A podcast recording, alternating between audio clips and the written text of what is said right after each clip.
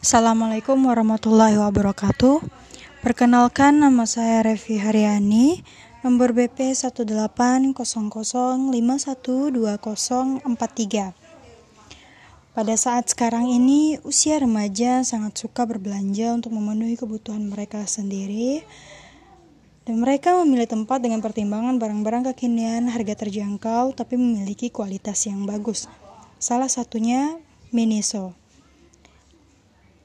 Miniso adalah jaringan retail Tiongkok yang menjual aneka barang dengan harga rendah, termasuk kosmetik, alat tulis, mainan, alat elektronik, dan peralatan dapur. Miniso didirikan pada tahun 2011 oleh desainer Jepang Junya Miyake dan konglomerat Tiongkok Negofu. Kantor pusat perusahaan ini berada di Guangzhou, Tiongkok. Sebagai anak usaha Ayaya. Pada tahun 2016, perusahaan ini meraih total penjualan sebesar 1,5 miliar US dollar dan meningkat dari tahun sebelumnya yakni sebesar 769,9 juta US dollar. Selain membuka cabang di Tiongkok, toko retail ini juga membuka cabangnya di Asia, Eropa, Australia, Afrika, Amerika Utara, dan Amerika Selatan. Direncanakan akan ada 6.000 toko Miniso yang beroperasi di seluruh dunia. Aksi gulung tikar retail di negeri ini berjalan bagi gayung bersambut. Meski demikian, masih ada beberapa peritel yang masih menaruh kepercayaan dengan berekspansi dan menambah sejumlah gerainya di tanah air. Bahkan, beberapa dari mereka merupakan merek yang baru meramaikan bursa retail nasional. Salah satunya adalah Miniso. Retail yang dikelola oleh PT Miniso Lifestyle Trading Indonesia merupakan retail yang menjual barang-barang unik keperluan masyarakat urban sehari-hari mulai dari aksesoris fashion, alat kebutuhan rumah tangga hingga produk elektronik.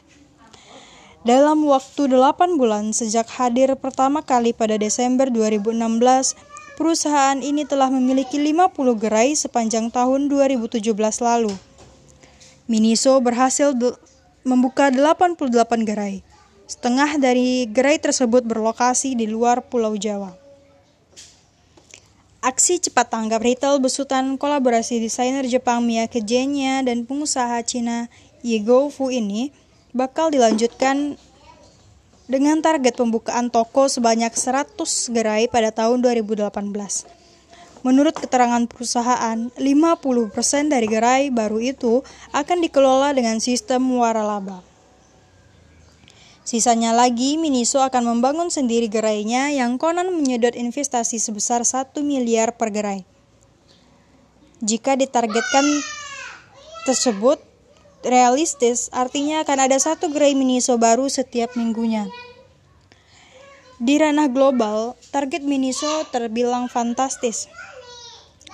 Retail yang berdiri sejak tahun 2013 ini menargetkan memiliki 10.000 gerai di 100 negara dalam waktu 2 tahun ke depan. Saat ini, Miniso telah mengoperasikan 2.000 gerai di 60 negara, antara lain di Vietnam, Kanada, Thailand, dan juga Indonesia.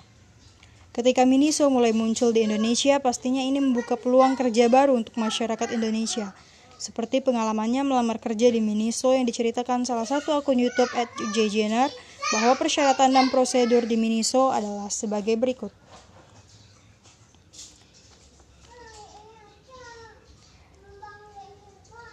Miniso meminta dokumen persyaratan berupa CV lengkap dan pas foto terbaru, ijazah asli dan fotokopi ijazah KTP SKCK dan KK, serta surat keterangan kerja. Kualifikasi dari persyaratan Miniso yaitu wanita atau pria dengan umur maksimal 28 tahun dengan pendidikan minimal SMA sederajat berpenampilan menarik dengan tinggi badan 155 cm untuk wanita dan 165 cm untuk pria sehat fisik dan psikis tanpa tato dan tindik bersedia diminta bersedia dimutasi sesuai dengan kebutuhan perusahaan dan berpakaian hitam putih ketika mengajukan lamaran. Sedangkan gaji dan fasilitas yang diberikan Miniso yaitu UMR Karawa, UM sesuai UMR, BPJS Kesehatan dan Ketenagakerjaan, in, insentif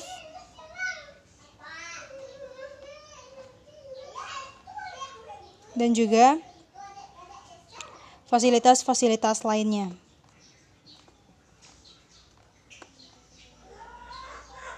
Prosedur prosedur melamar kerja di Miniso adalah sebagai berikut.